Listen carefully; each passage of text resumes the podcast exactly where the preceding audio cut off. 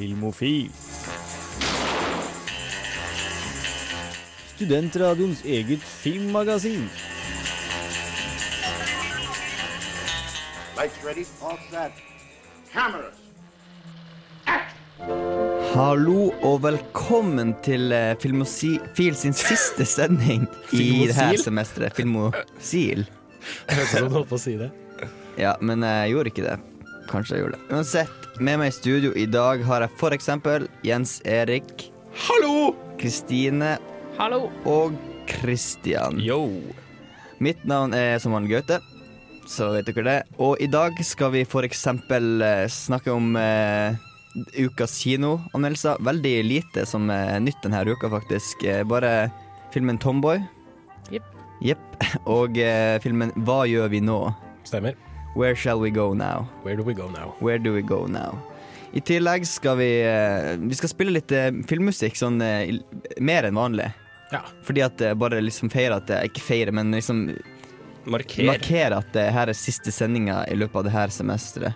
Go out with a bang, er det ikke det det heter? Ja, så vi spiller litt musikk som vi har lyst til å spille i Filmofil. Ikke, ikke bare la musikkredaksjonen ta over uh, musikken vi skal spille. Sånn som for eksempel i bakgrunnen hører vi uh, soundtracket til uh, Pixar-filmen Up. Men vi har ikke konkurranse denne uka siden det er siste sending, men, så det blir bare for lytterne sin eh, eh. Nei, bare nytelse for øret. Audielle glede. Audielle glede, ja. Yes, I tillegg til skal vi ha Vi skal også ha ukas filmlåter og ukas serieanbefaling, video, ja, videonytt og alt sånn der crazy shit. Så det blir sikkert en knakende avslutningssending. Men uh, først litt musikk. Det her er Gentleman Jesse med Eat Me Alive.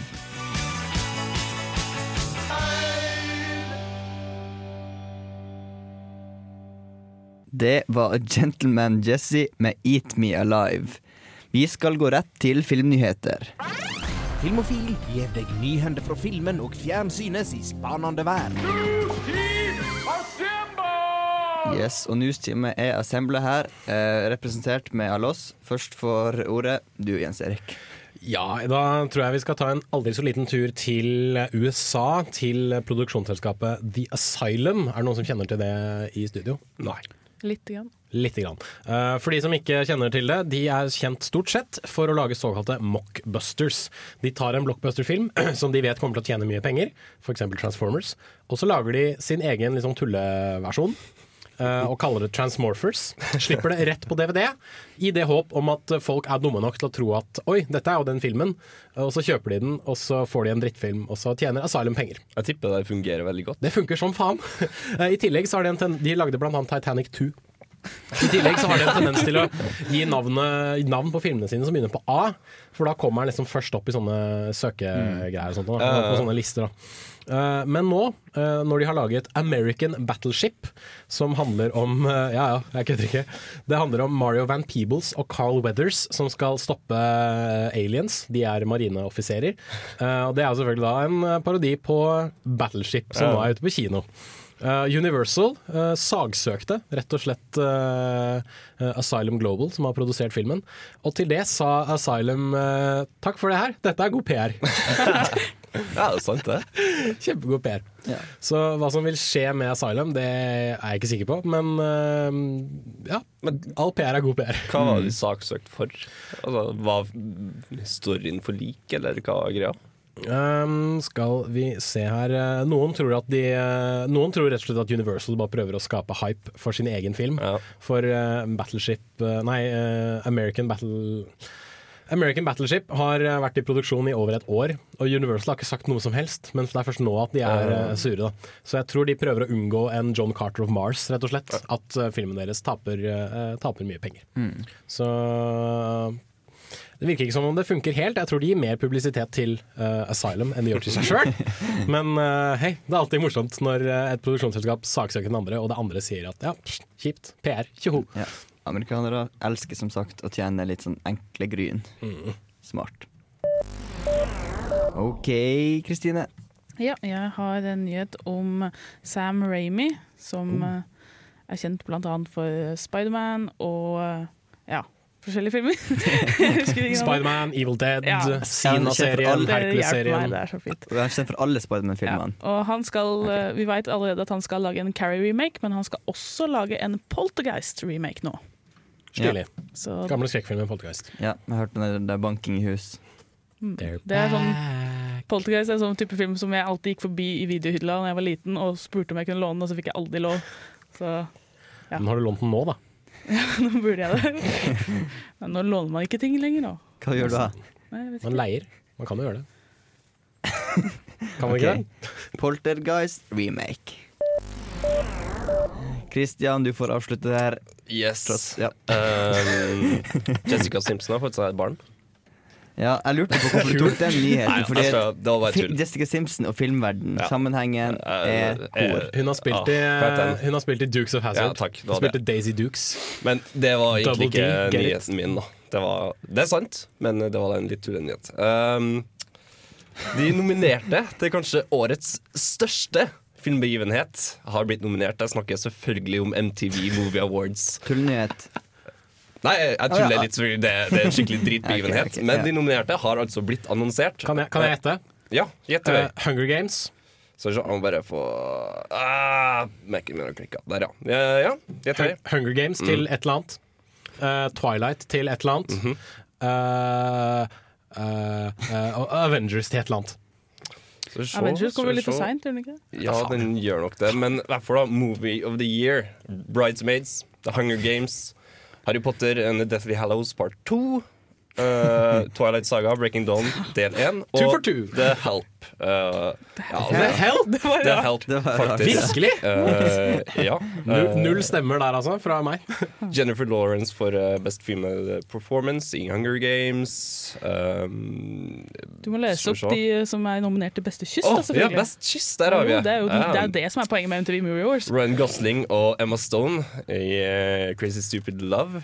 Um, Jennifer Lawrence og Josh Hutch... Uh, Hutch uh, Vanskelig navn. Hutchinson. Hutch, jeg noe sånt i The Hunger Games. Ah, Robert Pattinson og Kristen Stewart i The Twilight Saga, selvfølgelig. Uh, vi får se. Uh, best gut-wrenching performance, Drive.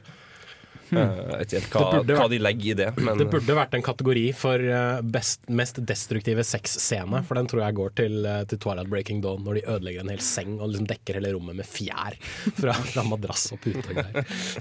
Best on screen dirtbag syns jeg er ja, en kul kategori. fin. Ja, men uh, da tror jeg faktisk Colin Farrell vinner for Horrible Bosses, for han er ganske jævlig i den filmen. Altså. Ja, det, Så, ja. Nei, du kan, du kan gå inn og stemme eh, på hjemmesida deres hvis du vil det. ja, lykke til med vinnerne som blir å vinne den eh, der greia. Yes, det var liksom filmnyheten. Det her, vi skal ha litt mer filmnyheter etter den neste låt. Og neste låt, det blir litt hiphop, som vi er blitt så glad i. Ja!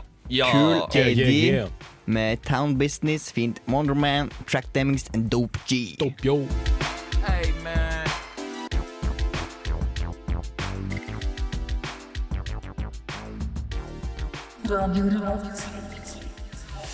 Det var Cool AD med Town Business. Vi skal ha litt mer nyheter. Filmofil gir deg nyhender fra filmen og fjernsynets i spanende verden. Jeg tror bare jeg skal holde ordet i min munn litt til, fordi min favorittskuespiller, altså Tom Cruise, og den som har vært, hørt på rommet her, vet at det er ironi, for jeg hater Tom Cruise. Han skal være med i I alt? I alt. Virkelig? I absolutt alt. Jeps. Herregud. Nei, bortsett fra Tropic Thunder. Ja, selvsagt. Ja, men eh, uansett, eh, han skal være med i en remake av en film fra 2004. Det er liksom blitt greia å lage remake av filmer som ikke kom ut for så lenge siden. Ti år gamle filmer, de skal remakes. Og det her er Van Helsing som skal remakes. Det var jo en, det var jo en dårlig film. Så det var en stor, skikkelig storsatsing. Det var en dårlig film. Guilty Er du, er du sikker på at det er en remake eller ikke bare en ny Van Helsing-historie? Altså, Ja, jeg tror nok det blir en ny Van Helsing-historie, da. Ja, for da er det ikke teknisk sett en remake. Da. Okay, ikke en, en Reboot. remake. En reboot. En, en reboot. Det er det det er, ja. Dere er bedre på det begrepet meg. Men uansett, Tom Cruise skal altså være Van Helsing-greia. Og litt av grunnen det, at Universal gjør det her, tror noen at at Avengers er jo en eh, megasuksess. Og bare samle sammen masse, masse folk på et universlag. Så det greia blir sikkert at nå skal de samle Van Helsing, Frankenstein, eh, varulver og alt i sånne, i sånn møl. Og det gjorde de i Van Helsing-filmen fra Ja, men- 2004. ja, men om The Derfor kan-. Gentlemen. Ja, men kanskje det er derfor de gjør en ny variant. For å tenke ja, det, Nå liker folk eh, alt, alt blandes sammen til et stort, eh, en stor fest. da så, eh, Og Hugh Jackson var Van Helsing før, og han, er jo, han ser jo ut som en mann. Ja, ja. Tom Cruise ser jo Tom Cruise er 1,50 høy og Ja, 60 så- år gammel. Jeg vet ikke, jeg tror det blir eh, tåpelig. Men Kisten eh, kan nå springe, da. Nei, ja, det er sikkert derfor han har mye, mye springe i filmen der. Trengte en som eh, Han kan være Van Helsing in training Så kan han spille vampyr nå, for det har han også gjort. Kan han bare klippe inn bildet hans han som vampyr, og så kan han jage seg selv. fra Interview with a Vampire. ja, I'm men, a eh, vampire twin. Vi kan bare eh, glede oss i hermetegn til en ny eh, monsterorgie. ja, ja, Monsterorgie. Ja, Det ser jeg på internett hver dag. jeg. Monsterorgy.com. Moving on. Hvem som vil ta siste nyhet denne eh, dagen? Jeg kan. Kan ta. Jeg kan. Um, for de som er litt fans av japansk film, og det er i hvert fall eh, jeg, så kan jeg uh, nevne at uh, filmen, den japanske filmen Love Exposure, en fire timer lang film som delvis uh, handler om en fyr som tar upskirt-bilder på jenter rundt om i Japan. Det er en uh, dram, Det er en melodrama martial arts komedie med litt blanding av psykologisk thriller. Den bytter liksom sjanger hver time, men det funker jævlig bra. Eh, den kommer på Blu-ray eh, nå snart i eh, USA og resten av verden. Og den er uh, steike bra å se på. Jeg kødder faktisk ikke. Den er jævlig kul. Eh, så nå er det faen meg på tide at den får en Blu-ray-release. Det er jo ikke en nyhet, det er bare en anbefaling. Ja, men Det er en nyhet at den kommer på Blu-ray, sånn endelig. For den ble jo lagd i 2009, og så kom den først i distribusjon Den ble først distribuert i USA i 2011, Ja. og den får jo en Blu-ray-release først nå. Hva du sa den het? Uh, Love Exposure. Det hørtes jævlig lame ut på tittelen, i hvert fall. Eh, Ja, tittelen var skikkelig dårlig. Eh, noe som er festlig å nevne, er at opprinnelig så var den sånn seks-syv timer lang. Så fikk, han, så fikk uh, Sion Sono beskjed om å klippe den igjen. Han klippa den inn til tre timer. Da funka det ikke i det hele tatt, for da skjønte ingenting, ingen noe som skjedde. Og så lagde han den til fire timer, og ja, da gikk det. Da gikk det. Men uh, kanskje det- tittelen er litt mer spenstig hvis du sier det på japansk. Rove Exposure! Ja, der, der, nå fikk vi også se den. Ok, Gå og kjøp den på Blu-ray Hell yes, det var filmnyheten for i dag. Vi skal eh, rulle videre med litt eh, musikk. Det her Mer hiphop. blir mer hiphop. Siste i dag, håper jeg. Det her er Stelly med Voll Express, Feet Scar, Helje. GMC trucks with the extended cab.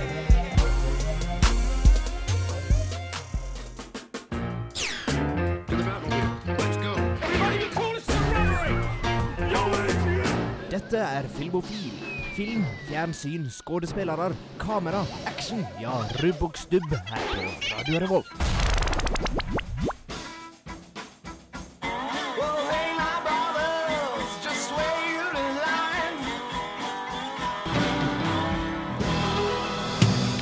Yeah, ey, det var Woodland med The Devil Is Nei, ikke Is. The Devil On Your Shoulder, bare.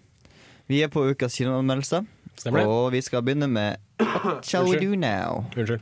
Where do we go now, på Where do we go now?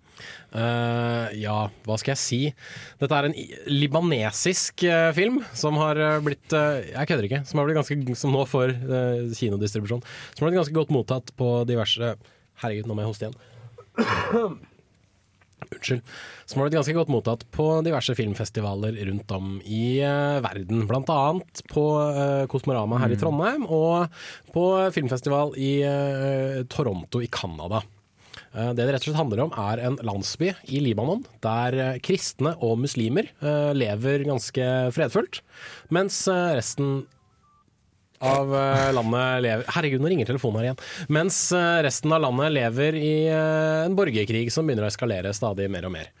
Og det som da etter hvert skjer, er at de klarer å sette opp en TV i denne landsbyen. Og da får de vite om at shit, det er jo mye skit som skjer rundt oss. Og så begynner alle mannfolka i landsbyen å mistenke hverandre Og, når da korset i den kristne kirken brekker, så begynner eh, de kristne mennene å angripe muslimene, og muslimene eh, slår tilbake, og så begynner det å bli krangling mellom gutta. Mens kvinnfolka de prøver å finne på diverse eh, morsomme og kreative løsninger på hvordan de kan få bringe mannfolka sammen igjen i vennskap, for de var jo så gode venner før.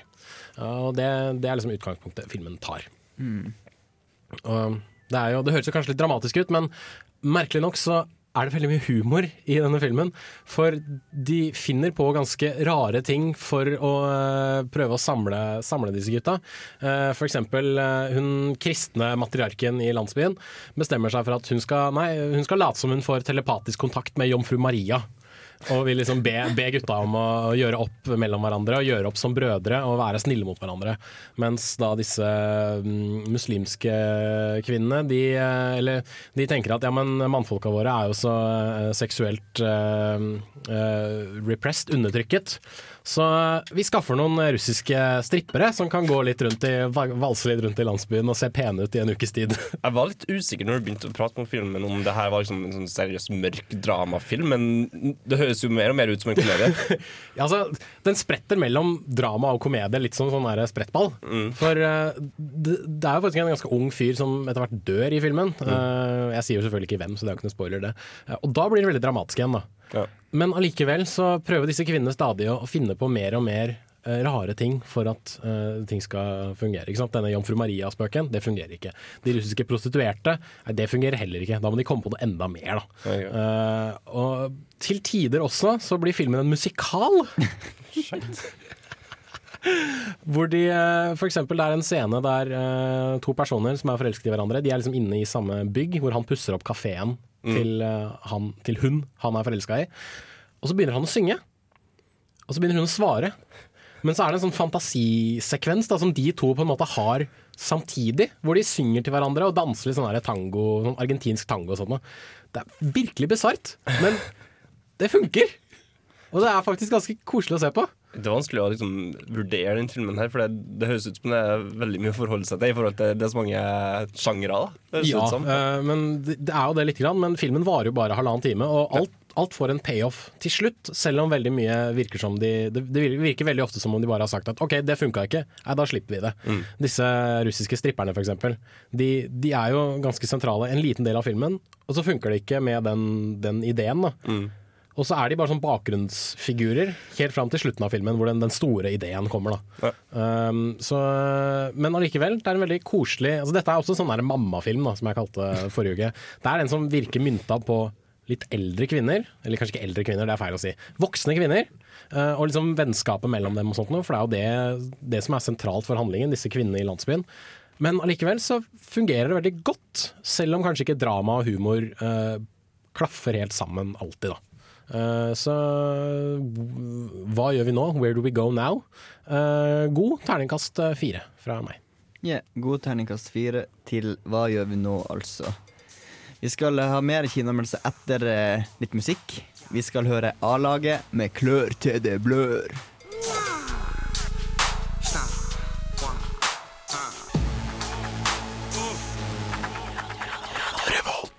Der hørte du A-laget med 'Klør til det blør'. For det var fra Bergen, ikke fra Nord-Norge. Inspirert av A-Team. Inspirert. Oversatt. Ja, Inspirert og oversatt. Jepps. Vi er fortsatt på kinoanmeldelsene for denne uka, og neste vi skal prate litt om, er Tomboy. Som du var også, Kristine. Ja. Du Du hadde gleda deg til denne. Ja, jeg hadde hørt, om, for en, hørt om den for en stund siden, så ja. Den eh, ikke noe Skal vi bare peise Bare på med anmeldelsen? Det er jo det. Tomboy.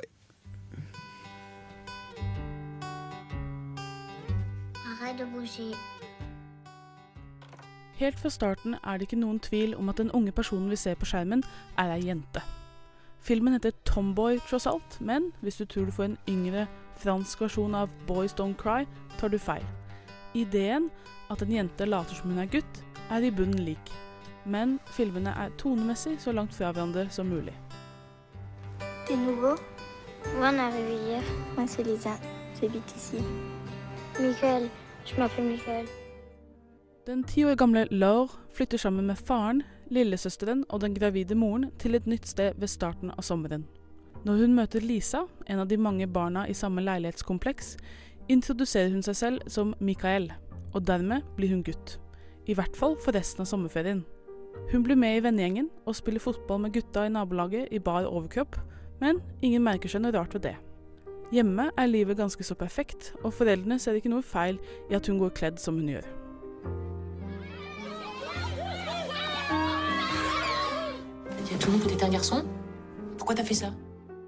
Laure, eller Mikael, spilles av Zoe Heran.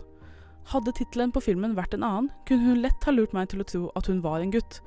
Men det kunne også like gjerne vært omvendt. Hun er det folk forventet å se. Historien fortelles gjennom øynene til Laure, og Heran er allerede utrolig flink for en så ung skuespiller. Spesielt med tanke på at hun sier så lite. Laure sitt studerende blikk er ikke tynget med skam, selv om hun vet at det hun gjør ikke er helt normalt, men heller en barnslig nysgjerrighet om sin egen og andres identitet. Det skal tu fais Pas. Tomboy føles ikke som en direkte kommentar på kjønnsroller og seksualitet. Den kan sikkert tolkes utover Law sin situasjon, men med filmingen og settingen ute i solen og natur føles filmen mest som en glemt sommer, en sånn de fleste av oss har hatt, der alt var mulig og den var eviglang og helt uskyldig. Filmen i seg selv er kanskje ikke så veldig spennende, bortsett fra når man er redd for at noen skal oppdage hvem Mikael egentlig er, men den er utrolig søt og personlig. Det jeg savnet aller mest, var nok mer musikk. Jeg synes det ble vel stille i noen scener, mens i andre trengte vi bare lyden av naturen og barnelek. Tomboy er en fin liten film med et ungt talent som overrasker. Terningkast fire.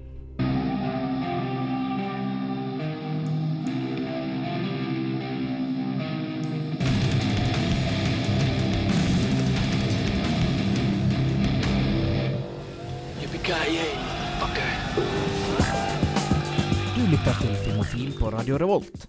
Besøk oss gjerne på våre nettsider på radiorevolt.no filmofil. Der finner du meldinger av kino- og videopremierer, og i tillegg podkast av alle våre sendinger. Har du ris eller ros, tips eller triks, kontakt oss gjerne på elektronisk post. Filmofil, krusedullalfa, radiorevolt.no.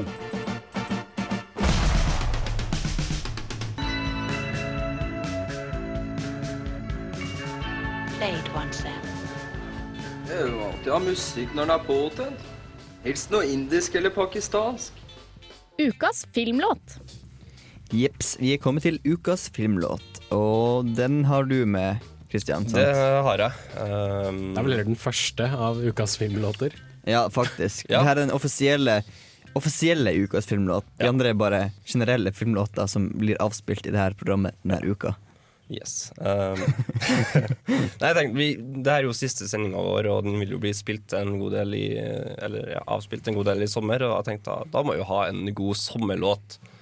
Uh, så i går så, så jeg en film som jeg ikke har sett på utallige mange år. Jeg har prøvd å få med kjæresten min mange ganger og fått sett den, men det, det gikk heller ikke i går, da, så jeg bare satte meg ned og så den alene. Uh, og det var Reservoir Dogs uh, fra min uh, favorittregissør og mannsforfatter Quentin Tarantino. Um, og det er en veldig forstyrrende scene i den filmen. Uh, jeg regner med folk her har skjønt den, eller? Ja, Oh, yes. jeg vet hva du prater om. Ja, den her uh, torturscenen. Og det, det er bare så sykt for, uh, det er, Du har liksom Steelers Wheel i bakgrunnen, skikkelig hyggelig låt. Det er skikkelig sommerfil, og så driver han og kapper av øret på en kis. Mens han driver og danser og holder på. Ja, står og tripper litt og bare har det skikkelig gøy. Så det er sangen jeg har hatt med i dag. Uh, det er Steelers Wheel. Steelers Wheelers, er. Steelers Wheelers er det med Stuck in the Middle with You. God sommer, sier jeg bare videre. Vi ses etterpå, men god sommer.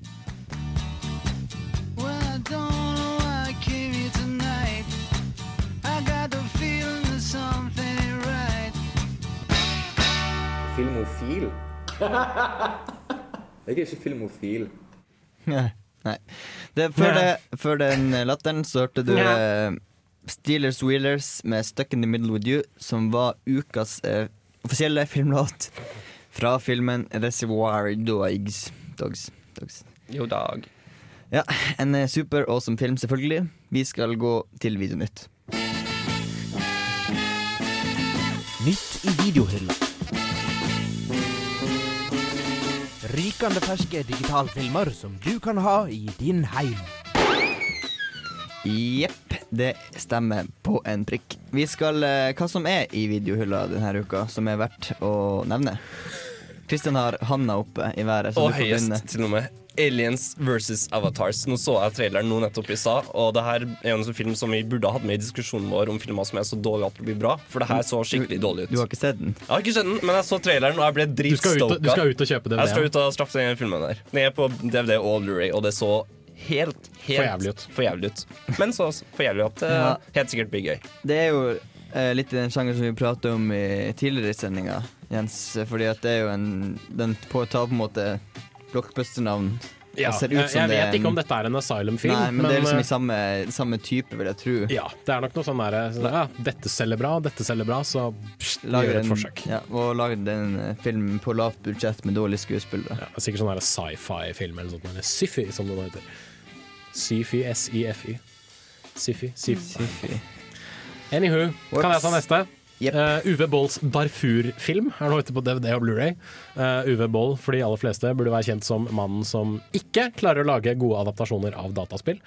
Merkelig nok så har Darfur-filmen fått god mottagelse av en internasjonal eh, filmpresse. Uh, mest, fordi, mest fordi Uwe Boll ikke har skrevet manus. Ah. Så når skuespillerne i en Uwe Boll-film får lov til å improvisere, da blir det bra! Merkelig nok. Men Så, er det her en seriøs film? ja, den tar for seg konflikten i Darfur, og det er Ja. veldig rart å tenke på at UV Uwe Boll skal lage seriøse filmer om seriøse konflikter, men uh, det blir det nok. Og den vant også beste uh, internasjonale indie-film på uh, The International Indie uh, Film Festival i New York. Så det, det er merkelig nok, altså. En Uwe Boll-film har vunnet en pris. Jeg syns det er rart. Ja, det, jeg kan vi si oss enig i. Hva mer kan vi nevne? Det er jo kommet ut uh, masse sesonger av How You Met Your Mother for dem som ikke gått lei av det. Har, Ja. uh, Ja, hvem har gått lei? Ja, litt lei. Ja. Litt, litt grann. Men ja, nå syns jeg det er på tide at vi får vite hvem mora er. Altså, nå, det, er en, det er seriøst irriterende nå. Ja. Det, ja, si hva du vil si. Nei, nei, bare gå videre. Nei, det var, du skulle jo si noe. Det, det var det jeg skulle gå videre med. Ja, ok. Det, vi kan nevne at uh, Tinker Taylor Soldier Spy kom på DVD, og for Ja. det den er jeg veldig, veldig glad i. Mm, vi skal uh, høre en anmeldelse av den litt etterpå. Yeah. Så Men eh, Og så én ting til. en ting til. Eh, jeg kan anbefale En iskald verden, BBC-dokumentaren om eh, ja, begge polene. Utrolig bra dokumentarserie. BBC er jo så kjent, kjent for å lage gode dokumentarer også. Og for, de som er Anbefales interess- sikkert. og for de som er interessert i litt alternativ western, så har jeg en såkalt bagett-western. Nemlig en live action-versjon av Lucky Luke. Fant du på det sjøl nå? eller? Nei, det er en kompis av meg som har sett den. Han, han beskrev den som Sånn- bagett-western. Okay. Uh, Istedenfor spagetti-western, Ja, selvfølgelig. Det er en fransk, da? Det er en fransk westernfilm uh, om Lucky Luke uh, i live action. Og uh, uh, jeg har ikke sett den, men jeg har veldig lyst til å se den. Uh, for jeg hører at den er ganske kul. Lucky Luke er jo kul. Lucky Luke er dritkul, men funker han i live action? Det er det jeg vil vite. Det høres Hvordan får de til ja. skyggen? Jeg vet da faen, jeg. Hvordan får det til? CGI. Ja, Har du hørt om spesialeffekter? Ja, hun er jo ikke så stor Hvis de, hvis de, får til en, de får jo til en snakkende hest i liksom Mr. Ed fra Ja, er sånn 80-tallet, så de burde jo klare det i 2012. Ja, tror jeg. Det, det høres tøft ut. Kanskje det er noe Hollywood kan ta for seg etter hvert. Snakke med hester. Live-action-film med Lucky Luke. Ja, tydeligvis. Jeg skal sende inn manusidé. Jeg skal se om, det blir noe av det. Lucky Luke, han skyter Ja, kjapt. Vi skal ha litt mer videre etterpå, men først eh, litt mer musikk. Det her er Sun Kill Moon med That Bird Has A Broken Wing her på Radio Bolt. Revolt. Radio. Foghorns blowing all these sirens, long trips unwinding. Sat me down, had a little chat, and I remember we're all half really good. Wait a minute. You ain't heard nothing yet. Wait a minute, I tell you. Listen to them. Poor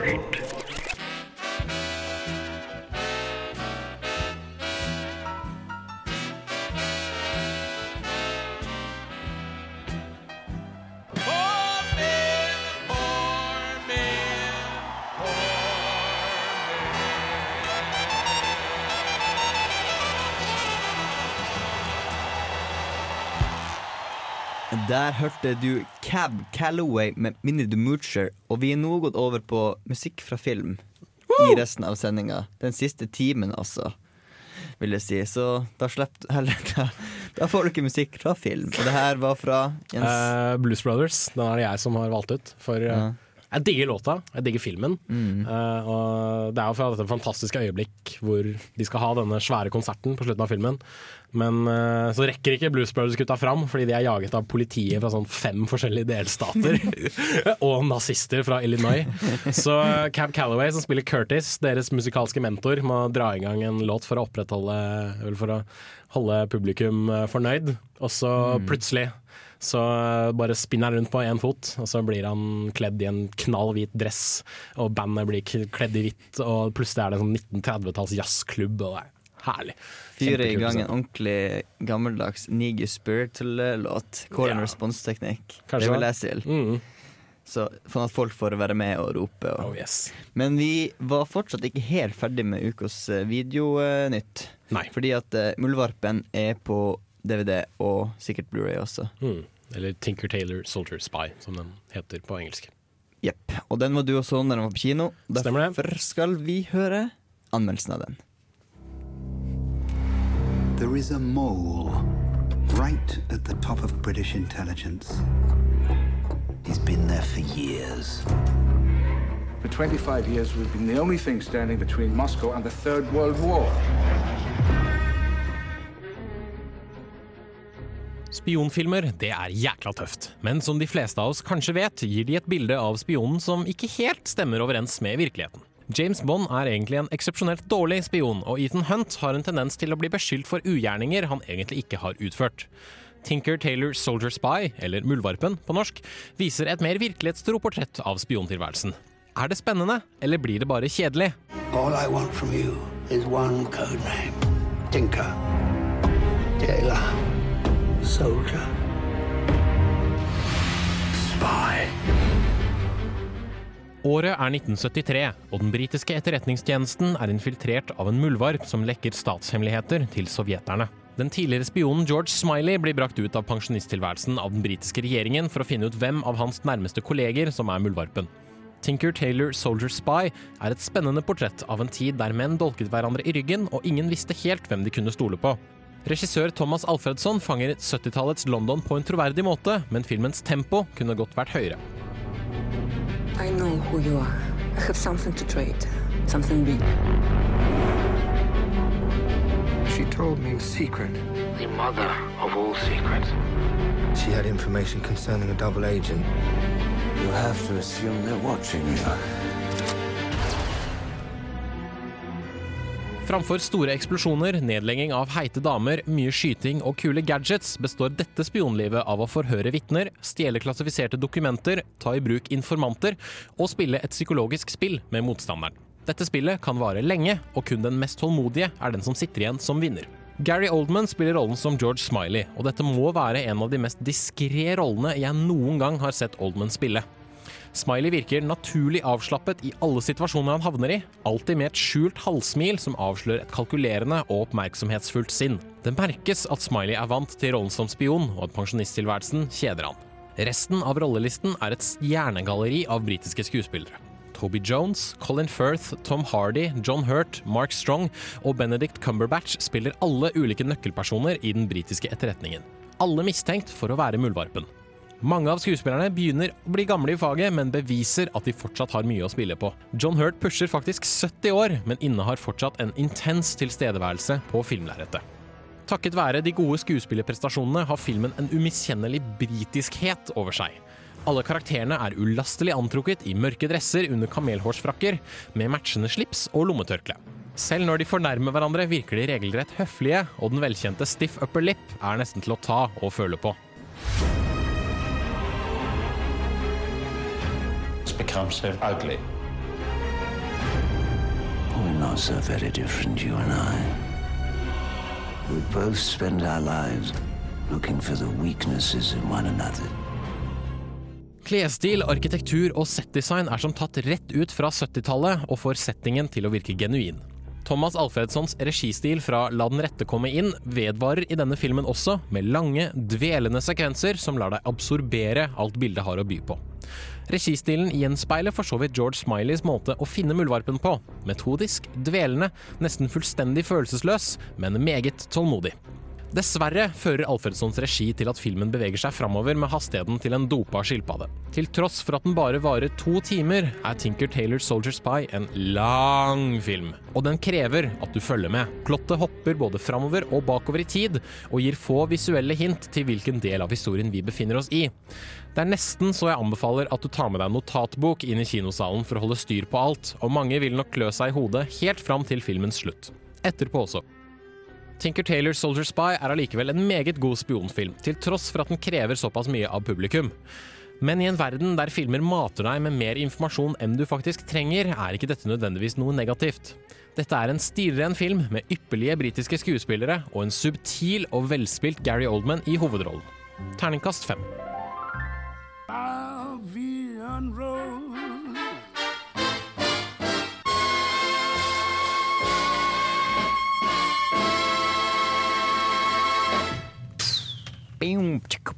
Det var La Vie en Rose. La Vie en Rose, eh, Louis Armstrong sin versjon fra filmen Wall-E. Sant, Kristine? Yes. For evig knyttet med flytende søppel i space nå. Ja. Det er jo Jeg kan nevne også at den eh, Hans Zimmer lagde musikken til Inception, og han bruker denne låta, altså Edith Piaf sin versjon, og den forandrer seg, musikken, i forhold til hvilken del i drømmestadiet de er. Altså, de går saktere og blir mer sånn Sånn seig og ja.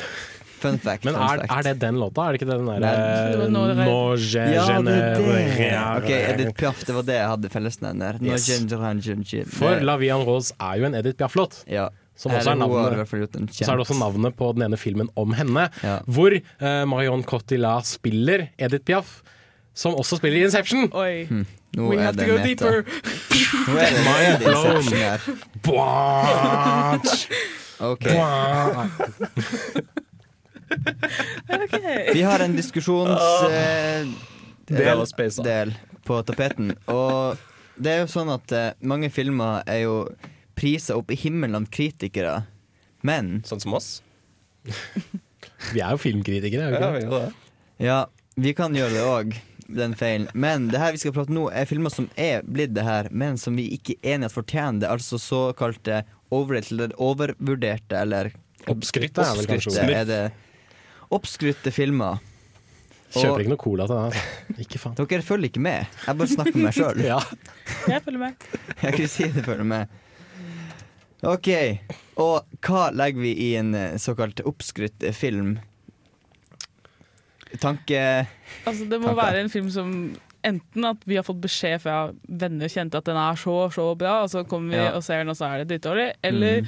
at det er kritikerne som i Roserne får bare sex og sånne ting, mens folk flest syns den er drittdårlig. Ja. Jeg vil også si at hypen her egentlig har én en faktor. da Selv om kanskje filmen ikke får så god mot- mottakelse, så syns jeg hypen fortsatt er med på å liksom bygge opp at du får jo Du får forventninger til filmen. da Jeg tror det er veldig ofte, ja, som du sa, det er veldig ofte at jeg tenker at herregud, denne filmen kan umulig leve opp til, til det den bygger opp til. Da. Mm. Uh, The Dark Knight Rises for eksempel, tror jeg kommer til å bli en sånn litt sånn Ja. oppskrytt film etter hvert. Da, for hvis man sammenligner den med, med filmen som kom før, og ikke minst det eh, Liksom det markedsføringsapparatet som bare liksom pusher på og pusher på og pusher Mm. på og vil at du skal, du skal bli opprømt rundt Mm. denne filmen, men den kommer jo ikke til å kunne leve opp til Nei, noens men forventninger. sånn, det, er jo, det er jo bare fordi det er nesten umulig.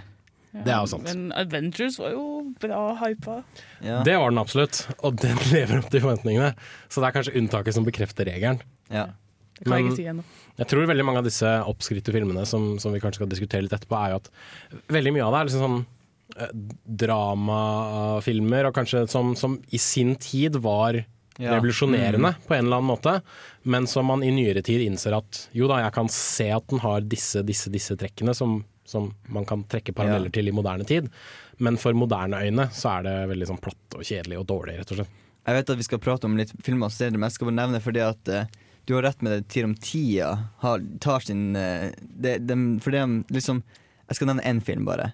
Og det er Citizen Kane. Det er fordi den har, den har liksom blitt kåret Det er ingen som tør, nesten, å ikke legge den først, for den har blitt kåra så mange år på rad til den beste filmen. Men uh, nå har endelig folk begynt å forstå at ja, den var super, kjempebra når den kom ut på sin tid, men i sin tid. Mm. Den kan, klarer ikke å leve opp lenger. Det må man bare begynne å innse. Og vi skal nevne noen flere sånne etter eh, ja. Men Citizen Kane har jo også blitt trukket fram som et sånt et sånt benchmark, å si, da, hvor man snakker om, i hvert fall innenfor dataspillenes verden. Hva er dataspillenes Citizen Kane? Hva, hva er den ene tingen som kan oppsummere hele dette svære mediet? Så det er, sånn, det, er- det, er det, det, er den, det, er den, det er det ettermælet Citizen Kane Ja. på en måte har fått. Da, Og det, det, er jo greit. det er jo greit. Ja, ja. Det er jo liksom Det er jeg helt enig i. Så ja. Men er, jeg tror det er litt det samme disse, det vi kaller oppskrytte filmer. Da, at det er eh, såkalte filmkjennere.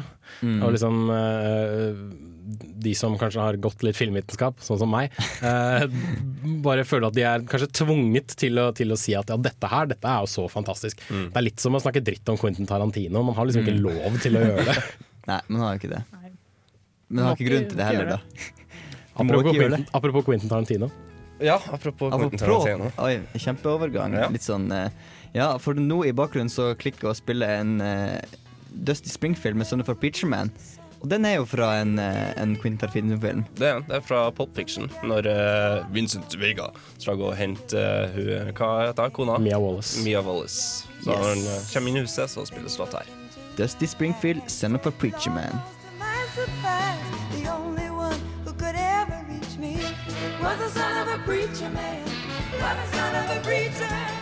The only one who could ever fool me was the son of a preacher man. Du hører på Radio Revolt, studentradioen i Trondheim. Dusty Springfield med 'Son of a Preacher Man', kort og godt, fra filmen Pop Fiction. Pop Fiction. Ganske kjent 90-tallsfilm, det her, altså. Kan også nevne at uh, dette er- det handler ikke så mye om, om film, da, men uh, Cypress Hill har jo uh, sampla den her. Den Ja, der, den den Mm. I Hits from the Bong. Ja. Hits from the Bong! bone. Det syns jeg er kult. Det er kult. OK. Vi, vi diskuterte før litt uh, hva som ligger i begrepet oppskrytte filmer. Mm. Nå skal vi gå direkte inn på filmer Som faktisk er oppskrytt. som vi syns er oppskrytt. Mm. Vi kan ikke snakke for hele verden. Hvem har lyst til å, hvem har lyst til å starte? Hvem tør? Vet du hva, jeg tør. Fuck Ja, it. Gjør det. Jeg skal trekke Coven-brødrene litt gjennom søla. Og jeg skal si at No Country for Old Men er en oppskrytt film. Det er Kanskje enig. Litt enig, jeg også. Det er enig. Eh, jeg så den på DVD, og jeg, etter å ha sett at den hadde fått x antall Oscar og Ja. uh, blitt hylla som den liksom supre Cohen-filmen. Nå var Cohen-brødrene tilbake i liksom sitt ess, osv. Og, så videre. og så ser jeg Det jeg ser foran meg, er en masse historier som er liksom bare sånn litt knyttet sammen med folk som ikke aner hva de gjør. Eh, en Tommy Lee Jones som ser ut til å kjede seg. Fryktelig. Og, altså, jo da, Anton Chigurh er en kul skurk. Det skal han ha. Og jeg liker det der eh, trykkluftvåpenet han går rundt med. Det er jævlig morsomt. Han er jo utrolig truende, men allikevel Det skjer ingenting Nei, i den filmen. det gjør- det, er- det, er liksom, det er pene bilder, og så er det en kul scene inni en sånn kiosk hvor han står og flipper en mynt om en fyrs liv, og om han skal ta livet av fyren eller ikke. Men bortsett fra det, så er det ingenting som skjer. Det er null payoff, og det bare slutter med at uh, Tommy Lee Jones bare sånn ser liksom kona si som, med et sånt blikk hvor, hvor han sier at ja, du er retard. That's it. Men eh, nå er nok ikke Kongebrødrene kjent for tempo heller, da. Nei, eh, men de har lagd så mye bra filmer tidligere, så jeg ble Ja. så skuffa av eh, den filmen. Ja, det er litt sånn hva man går inn i forventning, for det er jo en det er jo en, er ikke en rar type film, men jeg, jeg kan si meg enig. Mm. Ja. Vi nevner i fleng flere. uh, jeg kan prøve meg på en. Det må komme med en litt sånn disclaimer først og si at jeg er veldig glad i denne filmen. her Jeg synes den er Men- veldig bra Men den er litt oppskrytt av fanboysa. For jeg husker når jeg Boys. først er litt girls eller fan, fansa generelt. Og, og den er veldig Den blir snakka opp i skyene. Og første gang jeg er sånn, så var jeg litt sånn i tvil om hva, hva egentlig greia var. Og da er det, snakker jeg om Blade Runner. Ja, men det er jeg helt enig i. Ja. Den syns ikke jeg er noe bra. Den var skikkelig dritt. Jeg kjeder meg i hjel. Herregud, det Jeg det, det alle syns er så fantastisk, er på en måte den siste scenen hvor Rutger Hauer står i regnet. No spoilers. Jeg sier bare at han står i regnet, og så har han en sånn lang monolog sånn I've seen things you wouldn't believe, bla, bla. Fordi folk syns han er så fantastisk og poetisk. Men, ja, men det hadde noe med Gjør de en parodi kom- på det her i Family Guy-episode en gang? Family Guy parodierer det meste. Men når du faktisk stopper opp og tenker over det, så, så er det utrolig mange sånn plotthull i Blade Runner som aldri blir forklart. Ja, og så er det mange deler hvor du eh, Første gangen du ser den, så er det litt forvirrende noen ganger. I hvert fall jeg syns det. Ja, men jeg kommer ikke se den en gang til. Nei, men jeg måtte se den jeg tror, sånn tre ganger, og da liksom kom jeg litt inn i hele verden. da Ja, og, og likte den mye bedre. Så prøv igjen. Nei. Nei. Ja. Ja, men eh, helt enig i den der. Det er sånn eh, kultfilm som er blitt litt sånn Ja, sånn fansen har tatt om seg, og nå tror folk at den er bra. Ja, det er kanskje den skumleste av alle, da som folk vil hate meg for, og det er Gudfaren. Gudfaren Ja. er skikkelig oppskrytt. Den første må du si, da. Ja, den første. Jeg, jeg kunne sett de to første, og så etter det så gadd ikke jeg mer. Nei. Jeg prøvde å se Gudfaren. Jeg klarte det ikke, for jeg sovna. Takk for at du støtter poenget mitt. Jeg syns toeren er veldig bra. Eneren er lang. Ja.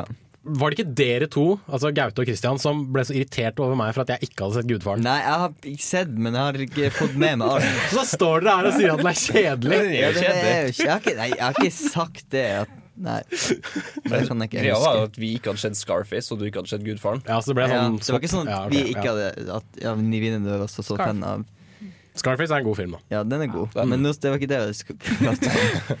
Vi trenger flere. Vi, jeg hørte Jeg vi fant, en, jeg fant en liste her uh, på coedmagazine.com som var 25 of the most overrated movies of all time. Uh, en av dem var Top Gun, og den er jeg ikke enig i. Nei, jo- Men så, gir- så gir han masse grunner her, da. Uh, grunnene i Top Gun er eh, i rekkefølge gay, gay, gay, gay, gay, gay, gay, gay, gay, gay, gay, gay, gay. Ja. Nettopp! Det er det som gjør Top Gun bli- kul. Nei, den kan ikke tas seriøst. nei, nei, nei, da blir det en dritt. Du gjør jo ikke det. Er det er så dum som gjør det? Altså. Hallo, det er jo Ja, men vi Ja, vi, vi, vi, vi snakka litt om Titanic og sånn der også Ja, i stad. Fordi at eh, den Is- eh, Ikke, ikke Oscar-verdig. Ikke Oscar-verdig. For han fikk vel en Oscar, han James Cameron. Det regner jeg med. Det må Tror han ha gjort. Det var en, jeg tror den, den vant eh, Elleve. elleve Oscar da Ja. den kom ut, så ikke én Oscar, på en måte. Ja, 11. Ja. Oppskrytt. Ja, The. Artist, oppskrytt. Ja, det Den var det også masse når vi, vi, når vi prater om eh, liksom, filmelskere og sånn, sånn som filmvitenskapsfolk, de liker The Artist, men kanskje ikke vanlige folk som faktisk ser film. Mm. Som liksom Ja. Altså Mystic River snakka vi om, og sånne type filmer. Ja, hvor, hvor Sean Penn driver og griner. Mystic River er en bra film. Nei. Nei, jo, sorry, Bra. altså. Vi trengte litt diskusjon. Vi er enige om alt nå. Kom med Eh, flere som brannfakler her. Det, det Jeg likte ikke Green Mile. Nei, den syns jeg var dritbra. Den synes jeg var dritbra. Uh, Michael Clark Duncan. Herlig fyr. Herlig skuespiller. Og Tom Hanks. Tom Hanks er jo alltid Ja. som regel god. tror- Kasta vekk Ja, det, Castaway. Jeg tror du har noe imot Du er Tom sånn Hanks. Du er Liker sånn, du ikke han liker ikke Tom Cruise, du liker ikke Tom jo, jeg Hanks. liker Tom Hanks! Ja, jeg, liker, jeg likte liker Terminal. Jeg likte Terminal Og Ja. en eller annen film. Castaway er dritkul. Nei, Jeg Kasta vekk er ikke kul. kult. Tenk en film med en volleyball og en kis kan være så bra. Ja, det var morsomt, men filmen er ikke bra. Fordi Jo, det ene sekundet er morsomt. Det kan Ene sekundet. Jeg har alle sekundene. Så du, jeg, hvis du hadde lagd en kortfilm med bare han og Wilson, så hadde jeg sett den. Og syntes den var dritbra. Men alt det andre var bare what? What? What? Ja, nei. Ja. Nei, vi skal eh, Det var, vi, det var mye. Vi kunne sikkert stå der og prate i evig tid. Vi skal eh, gå litt tilbake til Cohen. For dette her er fra Oh Brother Where Art En bra Cohen-film. En bra Cohen-film. Oh Brother Where Art med folk. Soggy Bottom. Boys. Men det her er Soggy Bottom Boys, Man of Constant Sorrow.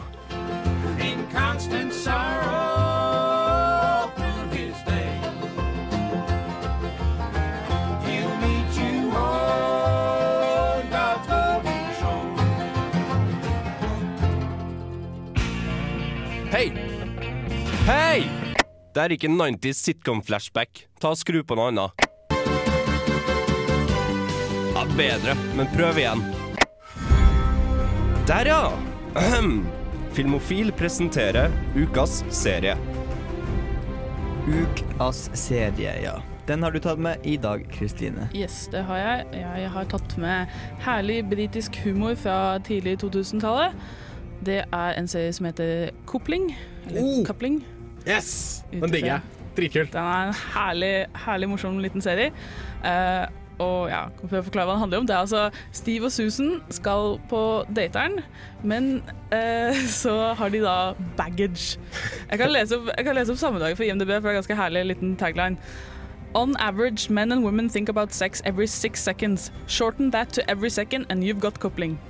Okay. Så det er rett og slett masse ja, samlivsproblemer, kan du si. Men det er veldig morsomt. da, Det høres veldig teit ut når jeg sier det på den måten. Men det er liksom Steve og Susan og vennene Jane, Sally, Patrick og Jeff. Og de dukker alle opp på den første daten til Steve og Susan. Og det hele ender med at Susan må blotte ene brystet sitt for å få dem til å roe seg ned. Så det er liksom starten på serien, er det her, da. Det er vel litt sånn som Friends, bare med mer sexkomedie. Mye mer sex, og at de faktisk drikker alkohol. De sitter ikke på en kaffebar, de sitter i en pub hele tida. Og ofte er det sånn at du, jentene sitter for seg, og gutta sitter for seg, og så får du flashback til hva som har skjedd, mens de forteller sine versjoner av historien. da. Så det er veldig gøy. Og du har liksom Patrick er en klassisk sånn flørtepus, han ligger med alle, og så har du Jeff som er ja, forstyrra. Jeff er uh, fyren som aldri får seg dame. Han, får, han, han greier å si de mest utrolige tingene. Han sier f.eks. at med uhell, da, sier han selv at det er helt med uhell. Han sier at han har et trebein, eller at han samler på ører i en bøtte. så han, han er gæren. Og på jentenes side så har du da uh, Sally, som er helt, ja, helt obsessed med sminke og være veldig, se ung ut da, så lenge som mulig. Og så har du Jane, som er total koko. Eh, eksen til Steve, blant annet. Og hun er helt gæren. Hun, eh, ja, hun tror f.eks. at hun har en stalker, og så spør de ja, hvem er det ja, Hun veit ikke hvem det er, for de bytter halvveis på vei hjem. Det er en ny mann hver gang. Så ja, hun er helt sprø, og ja, de bare Det er det er en herlig serie. Det er, det er helt bizarr. Altså, hver episode er helt bisarr, for det er alltid, handler ofte om at Jeff har driti seg ut på en eller annen måte. Så, ja. Eller at Steve skal forklare hvordan menn skal være menn. Og, ja, og han er veldig glad i f.eks. lesbisk porno. Da. så han, han får litt kjeft for det innimellom. Hvis jeg får lov til å komme med et ganske langt sitat, for Steve har mange sånne rants i veldig mange episoder av serien. Eh, så her skal han forklare hvorfor han liker porno. Because it's got naked women in it. Look. I like naked women. I'm a bloke. I'm supposed to like them. We're born like that. We like naked women as soon as we're pulled out of one. Halfway down the birth canal, we're already enjoying the view.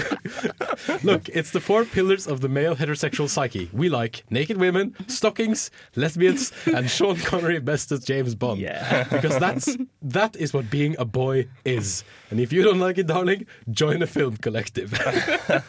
Og det er referanse til Men til- stockings Strømper, altså. Ja. Liker vi Ikke, strømpe, strømper? ikke strømpebukser, men strømper sånn som stopper liksom rett opp på låret. Å, jeg, sånn, Sånn jeg sånn, jeg tenkte sånn sokker. sant, og så har du Ja, menn liker sokker. Ok, men sånn, sånn, ja, sånn der, ja, nå skjønner jeg. Get it.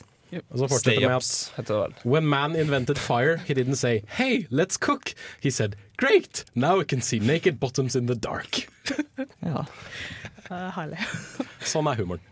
Ja, hørtes eh, gøy ut. Hvor mange faktisk. sesonger er det nå, Kristine? Det det er eh, fire sesonger, men det er jo britisk, så det er veldig korte. Så det er 28 episoder totalt.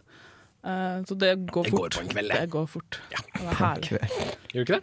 Jo, det er Ja, Det det går fort. Seks ganger 20 minutter er 100 og Er det det? Ja, 6 litt, ganger 20 minutter, 120. Mhm. Det er to timer. To ganger fire, åtte timer. Det går, det. Ja, ja. Det går på en dag. Og så er det veldig bra til å ha som maraton, fordi det er, altså, du kommer inn i den verden og den humoren. Så kan du bare ride the wave hele gjennom. Altså. Ja. Nei, Så- det var ja. Ja. Eh, Ikke minst, det er jo veldig mye kontinuitet også. Mm. Så Derfor er det veldig lurt å se liksom i chunks. da. Mm. Nå, nå skal jeg slutte å snakke. Nei, men det er bra. Jeg synes det hørtes ut som en interessant Eller ikke interessant, men en morsom serie. Absolutt. Aldri hørt om det, men eh, verdt å sjekke ut. Couplings. Coupling. Coupling. Britisk eh, komiserie. Ja. Vi skal eh, fortsette med litt musikk fra film. Jens, hva er det her for noe? Ja, vi, igjen Tarantino. Det er veldig mye sånn Tarantino-runk i dag. Men uh, jeg så From Dusk Till Dawn for et par måneder siden, og uh, dette er låta som spilles uh, når Salma Hayek kommer ut med en slange på seg som Santanica Pandamonium og danser en meget sexy dans før alt går til helvete. Uh, Tito and Tarantula med After Dark fra From Dusk Till Dawn. Herlig. Watching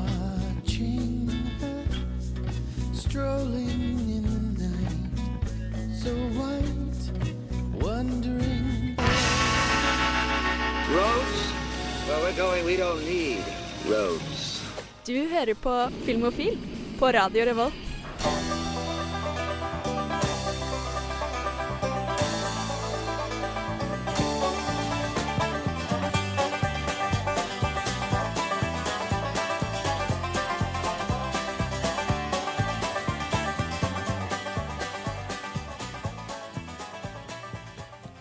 Det var Jerry Reed med 'Eastbound and Down', som var fra Smoke and Bandit. Smoke and Bandit. Med Burt Reynolds The og Jackie Mustache. Gleason. The Mustache himself. Uh, og ikke minst en råkul svart uh, Trans Am. Eh, kul film. Og den refereres for så vidt i eh, Cannonball Run, hvor, Bur- Burt Reynolds også er med. Hvor han sier, eh, fordi de skal reise fra et sted i USA til et annet så sier han 'How about a black Trans Am?' Og så, Nah, that's been done. Ok, Det er plass til litt fun facts. Det Ja. letter litt på stemninga, syns jeg. Ja, vi, skal, eh, vi hadde en konkurranse gående forrige uke. Ja, eller til i dag, da. Til i dag. Ja. Og da spilte vi et eh, relativt epic eh, theme av en eh, relativt kjent komponist som heter John Williams. Stemmer det. Relativt. Ja, det var ganske Og jeg sa at den var relativt epic også. Ja, Den er ikke relativt epic, den er ganske mega-epic. eh, og Riktig svar var jo Supermann. ja, Det var superhelten vi skulle fram til. Det var ikke, burde ikke vært, vært, vært så vanskelig. Nei, vi, vi tenkte at uh, siste konkurransen, vi gjør det litt enkelt, så kan ut mm. så mange som mulig sende inn uh, svar. Og uh, ikke minst så var det jo superhelt, superheltsending, og jeg vil jo tørre å påstå at den mest kjente superhelten som finnes, er jo Supermann. Det vil jeg si, Han har jo super i navnet sitt. Ja, ikke sant? ikke sant? Han er jo den alle tenker på med en gang man sier superhelt, så er det sånn Supermann som står der. Sånn. Han er på en måte prototypen til en superhelt. Ja, han er jo det, til en viss grad. Eh, hvis vi ser bort fra liksom, Fantomet og The Lone Ranger og alle de gutta. Lincoln. Ja, men samtidig så er også han veldig annerledes fra alle andre superhelter. Å nei. Så du quote Kill Bill nå? Nei, nei, Nei? OK. Ok, hvordan, hvordan er han annerledes? nei, at det at han Jeg vet ikke hvor Jo, du, han du, er du skal quote Kill Bill. At han, Jo, at han egentlig Christian er superhelt vil høre for hva å leve Christ- som menneske. Ja. Nei, men han Nei. For er. Supermann er jo ikke Ja, den han sånn, ja. egentlig er som, som Kryptonian. Nei, han er jo Supermann er en én identitet, Clark Kent er en identitet, og Kal-El Kal-El er er den han egentlig er. ja. Han er aldri den han Det, det, egentlig det, er. det er litt det samme med Batman, for Batman er én identitet. Bruce Wayne er også en fyr han spiller, men så har han liksom seg sjøl, som han er eh, sammen med Alfred inne i hulen, f.eks. Ja. Uh, er veld, veldig mange mener at når, når Batman har på seg kun Batman-drakta, og liksom har tatt den hetta av seg, så han er Batman i drakt uten liksom noe som dekker ansiktet, da er han seg sjøl. For da er han liksom begge, mellom begge verdener. Eh, Interessant. Litt avstikker, men uh, får så være. Vi har plass til litt avstikkere, så lenge det er relevant som det er. Ja. OK, men vinneren av konkurransen, kan jeg få en trommevirvel? Det er Kjell Løkvold. Løvvold, ikke løk. Løkvold. Å, sorry, jeg vet ikke hva det er for løk. Det er frekt. Løvvold. Jeg er sikkert sulten. Tenker litt på løk. Gratulerer. Steker meg litt løk til middag. What? Ovnstekt løk. Ja. Det er godt. Ok. Vi skulle tenkte at vi skulle gå videre i sendinga med litt mer, eh, mer filmrelatert musikk. Skal tilbake til eh, litt mer rock, litt sånn 80-talls. Ja, veldig 80-talls. Ja, eh, en av mine favorittfilmer, i hvert fall. Du og Patrick Bateman. Nei, i- nå snakker jeg om filmen. Ja, men, ja, men Jeg vet ikke om, Patrick jeg vet ikke om de er elsker Hulu and the News. Det, det, det gjør han. Ja. Eh, jeg syns det er kult. Jeg vet ikke om jeg elsker det, men eh, Ja, Han er genial. Han bruker et helt kapittel i boka på å bare snakke om musikk han liker, blant annet eh, Phil Collins og ja. Mm. Men dette er ikke Huey Louie and the News som hentet av American Psycho. Nei. Dette er Huey Louie and the News som hentet fra Back to the Future. Uh, min, Sett favoritt, favoritt-trilogi, bortsett fra Star Wars. Eh, og når, når Marty McFly kjører skateboard inn til Hill Valley, så spilles selvfølgelig Hugh Lewis and the News med The Power of Love.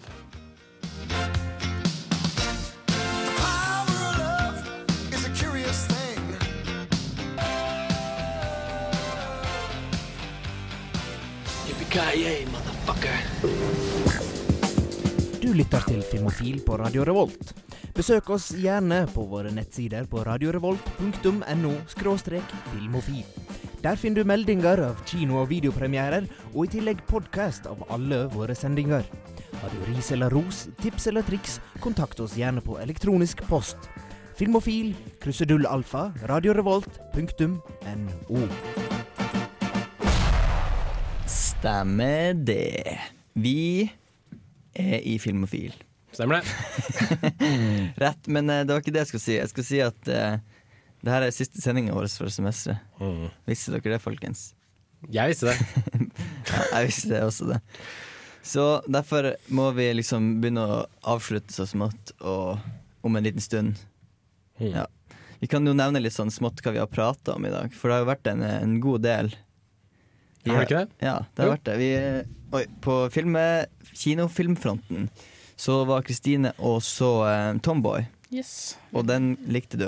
Ja, jeg syns den var utrolig søt. eh, og ja, veldig hyggelig film å se. Den er ikke sånn som Boys Don't Cry. Ikke tenk på det i det hele tatt. Så en god Jeg vil kanskje opp, eh, flytte den opp til nesten femmer. Er- Oi. Ja, eh, I ettertid. Den, er- den eldres bra i hjernen. Ellers i løpet av en par timer. Bra jern. Ja, for mandagen, da. Ja, og du så, eh, hva gjør vi nå? Hva gjør vi nå? Libaninansk. Ja, libanesisk, libanesisk, tror jeg det heter. Uh, av uh, Nadine Lachman, tror jeg hun heter, hun regissøren. Ja. Um, veldig litt sånn rar film, men allikevel ganske trivelig og, og spennende. Det er et uh, hva var det jeg kalte det? Melodrama-komediemusikal. Mm. Det jeg vel tørre å påstå at det er. For uh, plutselig så begynner du å le, og så begynner du å grine litt, og så begynner du å le litt grann til, og så kommer det et musikalnummer. eh, eller et sangnummer. Og så begynner du å le litt til. Ja. Uh, fikk en terningkast fire. Mm. Eh, verdt å se hvis du, hvis du trenger en litt roligere filmopplevelse. Ja, altså to trivelige kinofilmer vi anmelder denne uka. Mm. Så hvis du vil ha ikke ha så mye hardstone action Hvis du har så mye sett Avengers, så kan du gå Først se Avengers, så kan du da se Tomboy, eller hva gjør vi nå? Double feature. Double feature. Mhm. Ja, i tillegg så prata vi litt om eh, oppskrytte filmer. Der hadde vi jo ganske mye å si. Vi måtte kutte av diskusjonen så vi ikke Brukte for lang tid. Ja, brukte for lang tid. Og da nevnte vi for eksempel Titanic, eh, Blade Runner Citizen Kane. Goodfaren. Mm. Kasta vekk. Castaway. Kasta vekk. Castaway, kast den vekk, er det det som er liksom Ja, jeg, jeg husker ikke hvor jeg leste originalen. Jeg tror det var i en sånn parodiblad-tegneserie. Så jeg bare det har sittet seg fast i hjernen min, så nå greier jeg ikke å si det på en annen måte. Det, det høres ut som en sånn Mad Magazine-parodi. Ja, Sånn Cast It Away, eller sånn Throw It Away. Nei, Jeg tror det er derfor ikke du liker den, for du har liksom blitt, eh, blitt feil eh, Hun har blitt utsatt Ja. for parodien først, Ja. og så Ja, sett Det er samme som skjedde med mange med Brokeback Mountain, at de rett og slett så så mange YouTube-parodier at de, Ja. den ble ødelagt. Så det samme har skjedd med meg. Brokeback Mountain litt oppskrytt, men også en bra film. Nei, den er ikke oppskrytt. Den er Ja, men det er bra film allikevel. Ja, ja. Det syns jeg. Absolutt. Er. Men jeg vil si at Ang Lee er en oppskrytt regissør. Ja, det kan jeg godt Han har to gode filmer. Det er Brokeback Mountain og Crouching Target Hidden Dragon. Den er oppskrytt.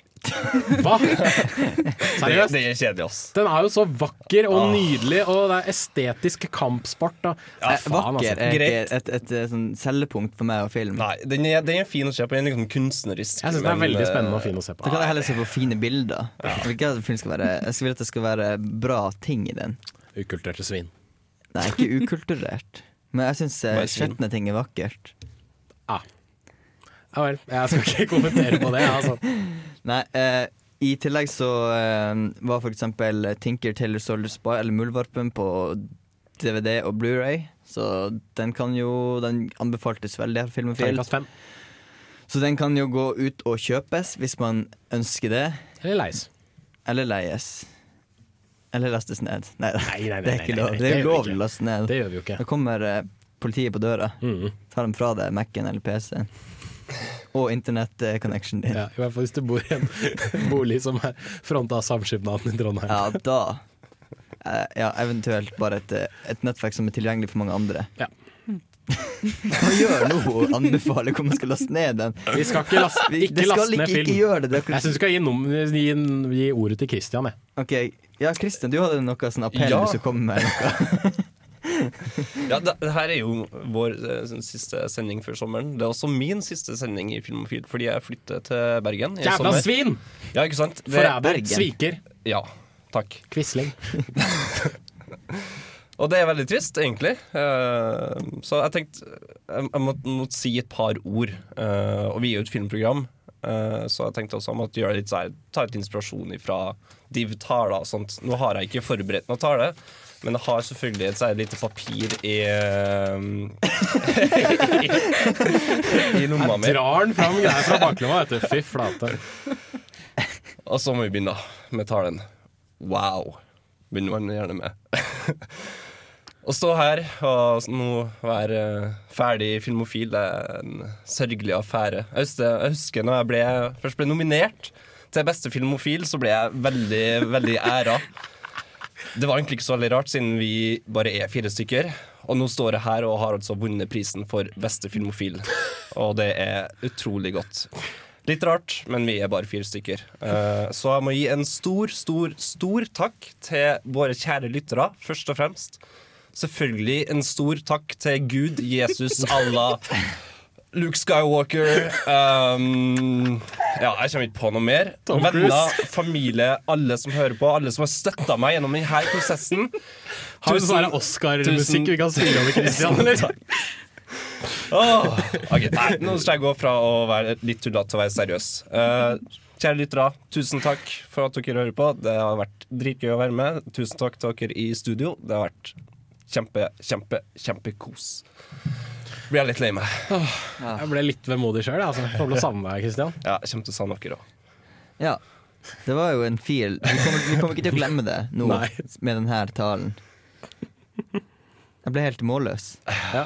Vi kan nevne at Uillustrert vitenskap kommer etter oss. Eh, der Det kan vi gjøre. Der skal Sunny endelig, der skal Sunny endelig snakke om kulldøden. Ja, sånn skal snakke om kulldøden. Igjen. Som vanlig. Åh, og for folkens, dere må huske å like oss på Facebook og laste ned podkasten vår. Så kan dere, for dem eh, vi har siste sending, så kan dere høre på alle de gamle som dere ikke har fått med dere. Så det er jo helt perfekt. Med meg i studio har jeg hatt Jens Erik Våler. Kristine Eriksen. Hei, hei. Kristian Varvan. Takk for meg. Jeg heter Gaute. Jeg vil også takke tekniker Kjersti Bakken. Hun har gjort en strålende jobb. Vi skal høre litt eh, mer musikk fra film før vi er ferdig. Og det er Tex Williams eh, med sangen 'Smoke, Smoke, Smoke', som er fra filmen. Thank you for smoking. But nicotine slaves are all the same at a petting party or a poker game. Everything's got to stop while they have that cigarette. Smoke, smoke, smoke that cigarette. Puff, puff, puff, and if you smoke yourself to death.